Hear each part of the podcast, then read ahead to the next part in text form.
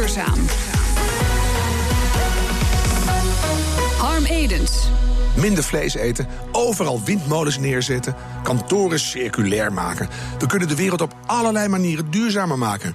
Misschien wel op te veel manieren. Elke week nieuwe opties. En dat levert stress op. Maar gelukkig, hoogleraar Rob van Tulder van de Erasmus Universiteit schiet ons te hulp. Rob, die, die overkill aan mogelijkheden. In het groot, maar ook in het klein. Voor de overheden, voor de individuele burgers. Hoe, hoe merk je dat dat inderdaad keuzestress oplevert?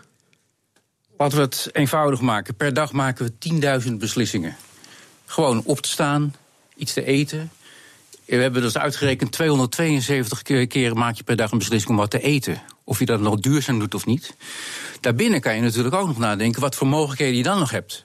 En dan zie je dat, ga je googlen. Op een bepaald moment heb je een informatieoverload. Dat je allemaal keuzes kunt maken, zelfs om dat ene dingetje, of je dat wel of niet duurzaam wil doen. Uh, een weekendeditie van de Volkskrant op dit moment bevat meer informatie dan een gemiddelde persoon in de 17e eeuw in zijn hele leven kreeg.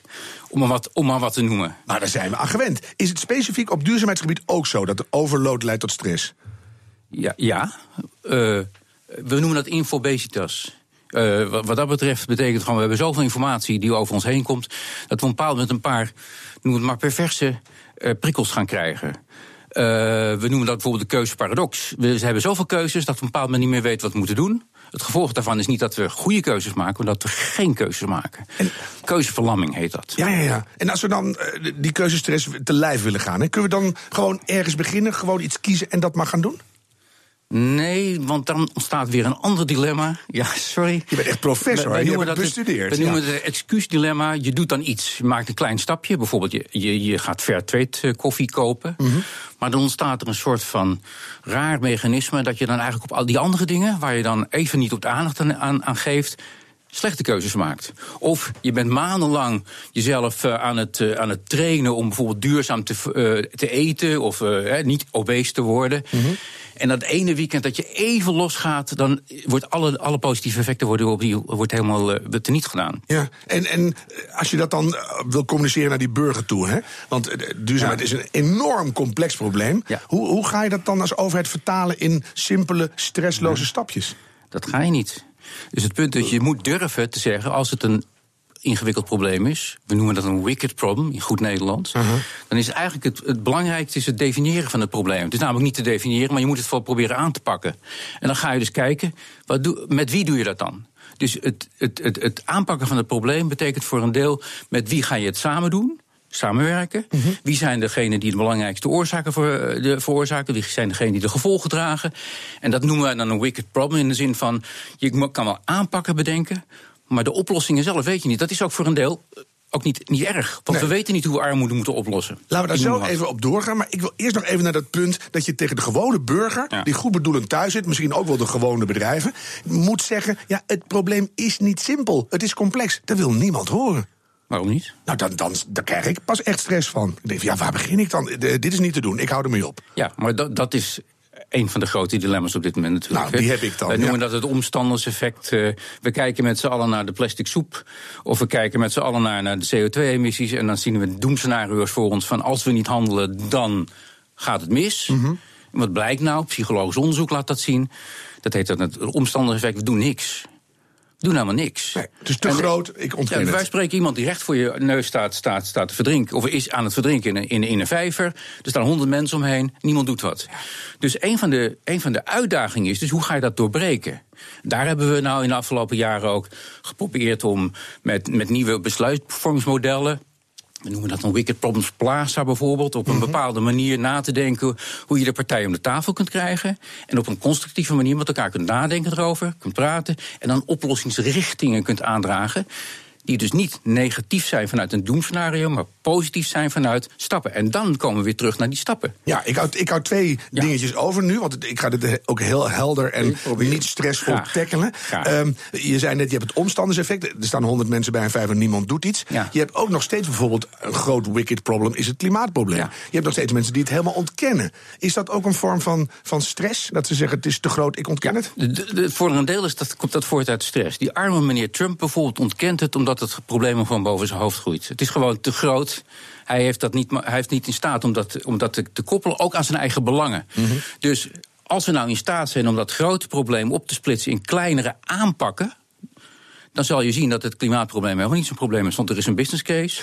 We hebben, we hebben technologieën. We hebben allerlei mogelijke nieuwe oplossingen. Alleen de randvoorwaarde daarvoor is dat partijen met elkaar samenwerken. Heb je ook mensen die leiden aan grootspraak en daardoor weer stress veroorzaken? Het, het probleem is. Want als jij nu zegt het klimaatprobleem is niet zo groot, dan krijg ik ook weer stress. Nou ja, kijk, analytisch is niet zo groot. De oplossingen liggen voor een deel liggen daar oplossingsrichtingen. Maar ja, het implementeren daarvan vergt dus dat je niet moet ontkennen. Vergt dus ook niet dat je moet, niet op korte termijn resultaten moeten behalen, want dan heb je een probleem. Ja.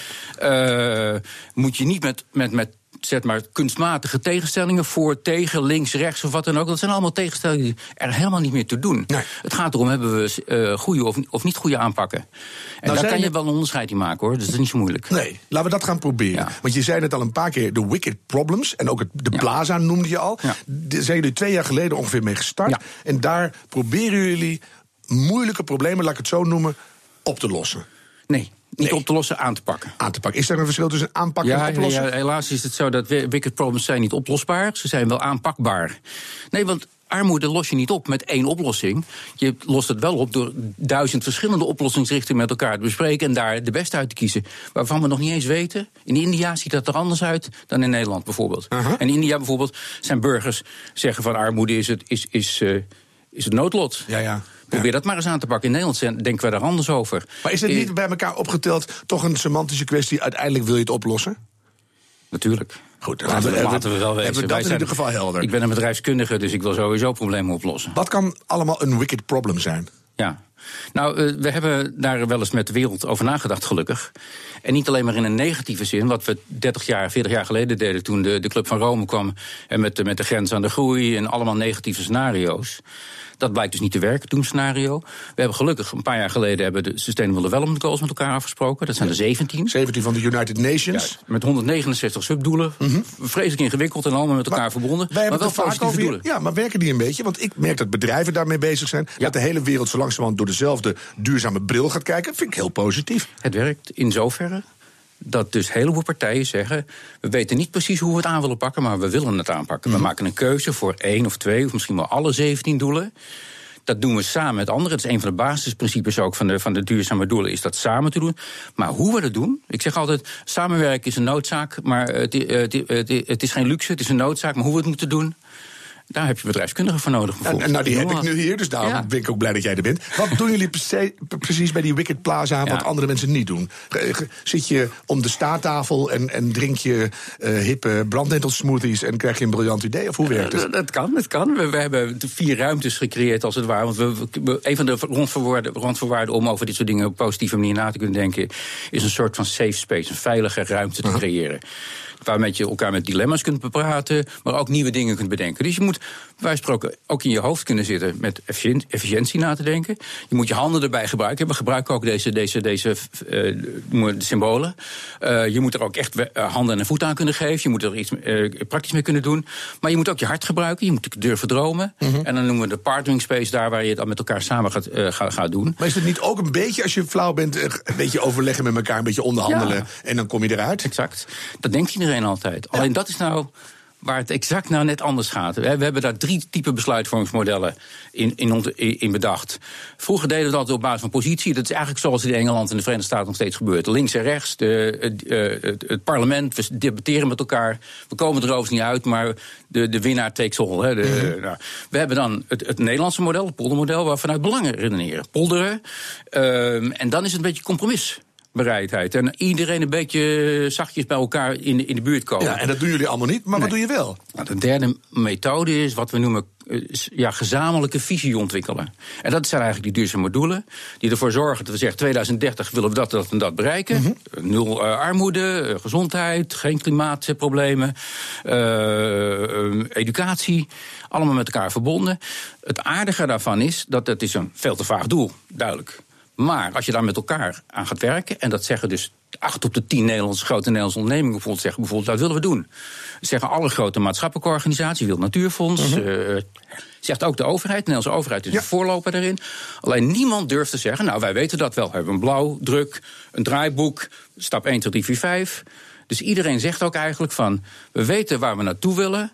We weten dat we dat met positieve stappen moeten doen, want de doemscenario heeft, heeft sowieso geen zin. En hoe we dat gaan doen, dat moeten we al lopende uitzoeken. En wat voegen jullie daaraan toe dan? Nou, wij zorgen ervoor dat je die discussie dan in een veilige haven met elkaar kunt bespreken.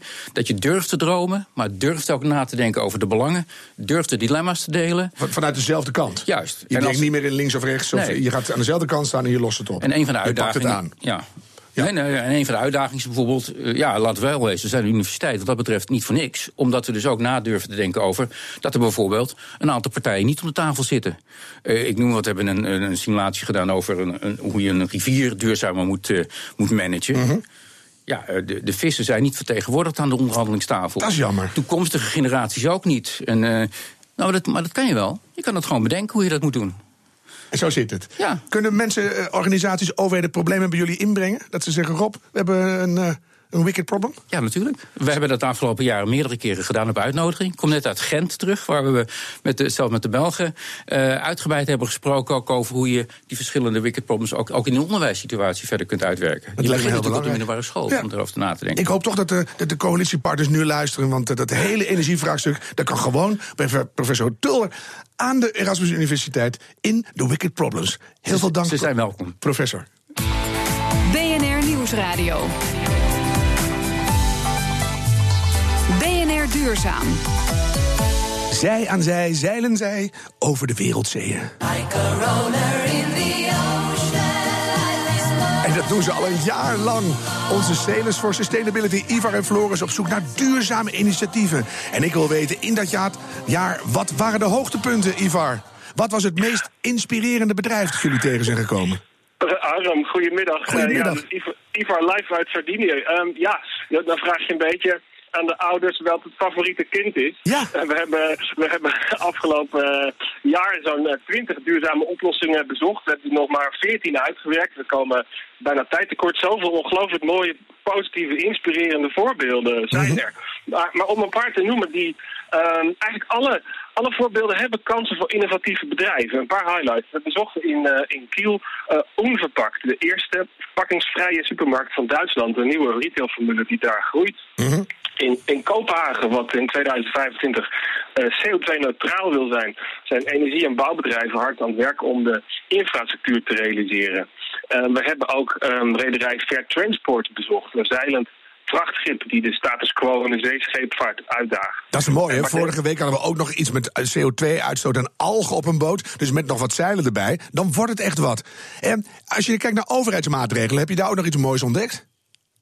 Um, ja, er zijn overheden, met name in Scandinavië, die stimuleren. Denk aan de ja, de, de um, gemeente Kopenhagen die dus die doelen heeft gesteld. Maar ook Noorwegen nationaal die elektrisch rijden stimuleren met allerlei positieve um, maatregelen. Mhm. Mm -hmm. um, dus dat is heel positief. Maar in landen waar de overheid niet zo actief is op nationaal uh, niveau, en helaas hebben we daar natuurlijk nu in Amerika voor, voor, uh, een voorbeeld van, ja. daar, daar, daar is ook hoop. Want we zien ook heel veel lokale communities, mensen, personen, gemeentes, die bottom-up ongelooflijk veel uh, veranderen. Denk aan Um, het uh, tuinieren in, in Topnet zagen we dat het uh, lokaal duurzame energie opwekken bij elkaar gaan kijken naar hoe je huizen kan verduurzamen. Dus dat kunnen mensen zelf, Samsung, het eiland wat als gemeenschap de energierevolutie op het Deense eiland heel succesvol heeft gerealiseerd. Mhm. Mm -hmm. Je hebt de overheid ook niet nodig. Je kan ook zelf beginnen als je daar gewoon um, hebt en door geïnspireerd raakt. We geloven ontzettend in de kracht van het positieve voorbeeld. Kijk gewoon wat anderen al hebben gedaan en Ja. laat je inspireren. Dus ki- kijk wat je kan doen als burger. Hè? Dat, dat hebben we net van de professor gehoord. Eh, kijk niet weg, maar pak het aan. En een oplossing komt dan later wel. Dan eh, ga ik zeggen, eh, zeil lekker de hele zomer door. De groet aan Floris. Na de zomer horen we weer wat jullie op Sardinië hebben gedaan. En heeft u een tip waar ze daarna heen moeten zeilen? Stuur een bericht naar sailorsforsustainability.nl. En goede vaart. Niet uitgeput je dag eindigen, maar huppelend van opgewektheid je werk verlaten. Straks in BNR Duurzaam de energieopwekkers van de maand. Welke werkvloer geeft jou power? BNR Nieuwsradio. BNR Duurzaam. Over een maand is het grote vakantie en dan kom je terug en dan kijk je naar je werkplek en je denkt: Oh, het kost vaak veel meer energie dan ik ervan krijg. Gelukkig zijn hier de heren van De Nieuwe Draai met een paar hoopvolle. energieopwekkers van de maand. Welkom Xander Meijer en Joop de Boer. Joop, mogen we met jou beginnen? Ja. De laatste trends, want die zijn er ook hè, in energieopwekkend vastgoed. Ja, die zijn er. Ja. Nee, ehm, de nummer vijf van onze opwekkers is een, een, een fantastisch een nieuw coworking kantoorgebouw in, eh, in Lissabon. Coworking? Coworking, allemaal mensen die daar ehm, flexibel kunnen werken. Oh, ik wou zeggen, er wordt altijd gecoworked in kantoor. je, Maar ho- je hoeft niet samen te werken, maar je zit daar met z'n allen op een Ja. grote eh, werkafdeling eigenlijk. En wat het interessante hier is, is het is een, een oude markthal, helemaal ehm, opnieuw nou, tot werkruimte omgetransformeerd. En ze hebben daar eigenlijk het ingericht met, ehm, met meer dan duizend planten. Dus er werken 250 mensen. En planten zorgen eigenlijk voor bijna de hele inrichting. Dus alle ehm, werkafscheidingsplekken, alle muren, allemaal door planten gedaan. En- Verfrissen ook de lucht. Ik zeg één keer bladluizen en je hebt een maand vrij? Nee, nou, dat, dat, dat, dat zou wel lekker zijn, toch? Ja. Eh, leuk, nog even om te melden kort.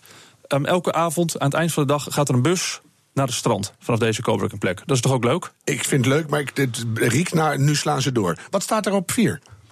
Ehm, Solar Gaps. Dat is een nieuw ehm nou, start-up bedrijf uit San Francisco. En zij gaan eigenlijk iets heel simpels doen. Als het gaat over zonne-energieopwekking, namelijk Luxaflex met zonnecellen maken. Ja, daar Kom je erop? Is dat nog nooit bedacht? Dat, dat- dat- kennelijk niet. Nee, dat, dat, dus daar komt de zon toch al binnen. Die hang je toch al op om tegen die zon te zijn. Ja. En kan je door eruit heen de, de zonne-energie er nog uitpakken? Dat ja, werkt. eh, buiten. Ze zijn voor buiten. Wekken ze eh, meer eh, energie op, namelijk eh, 100 watt per eh, vierkante meter per uur. Aan de binnenkant 50 watt per vierkante meter per uur. Dus ehm, werken ze iets minder. Maar ze doen het wel. Ze doen het wel. En voor kantoren die hebben heel veel ramen aan de buitenkant. Aan de, aan de gevelkant. Dus enorm veel energie opwekken. Ik vind het mooi, als je toch de zon eh, buiten houdt, pak dan maar de energie er nog even uit. dacht ik ook, ja. In, eh, in Amerika, ik, ik las dat ze de, de crowdfunding bijna binnen hebben, dus het eh, gaat de goede kant op. Ja, je hebt nog eh, 50 uur geloof ik om daar je steentje aan bij te dragen als je dat zou willen. Dan kun je ook zo'n pakketje krijgen. En hoe heet het? Ehm, dat heet Solar Gaps. Solar gaps, als je eh goede luxeflex wil. Ik vind dat wel, na al die terreur van die jaren, dat het niet zo leuk was. Xander, we gaan eh, naar, naar jou, want eh, jullie nieuwe draai heeft een Healthy Urban Office Challenge georganiseerd. eh, voor kantooromgevingen die groen en gezond zijn. En je hebt drie hele goede deelnemers, hè? Ja, dat Op klopt. drie staat Warmtebouw uit Utrecht. Ja, klopt. Even toch een korte inleiding, want we hebben dat samen met Irene en Stefanie gedaan van- de gemeente en de provincie Utrecht en de EBU. En daar zijn eigenlijk heel veel leuke uitzendingen, inzendingen uit voortgekomen. En ook uitzendingen. Ja, en, en hier hebben we een paar hele leuke energieopwekkers uitgehaald. Ja. Nou, op drie staat warmtebouw.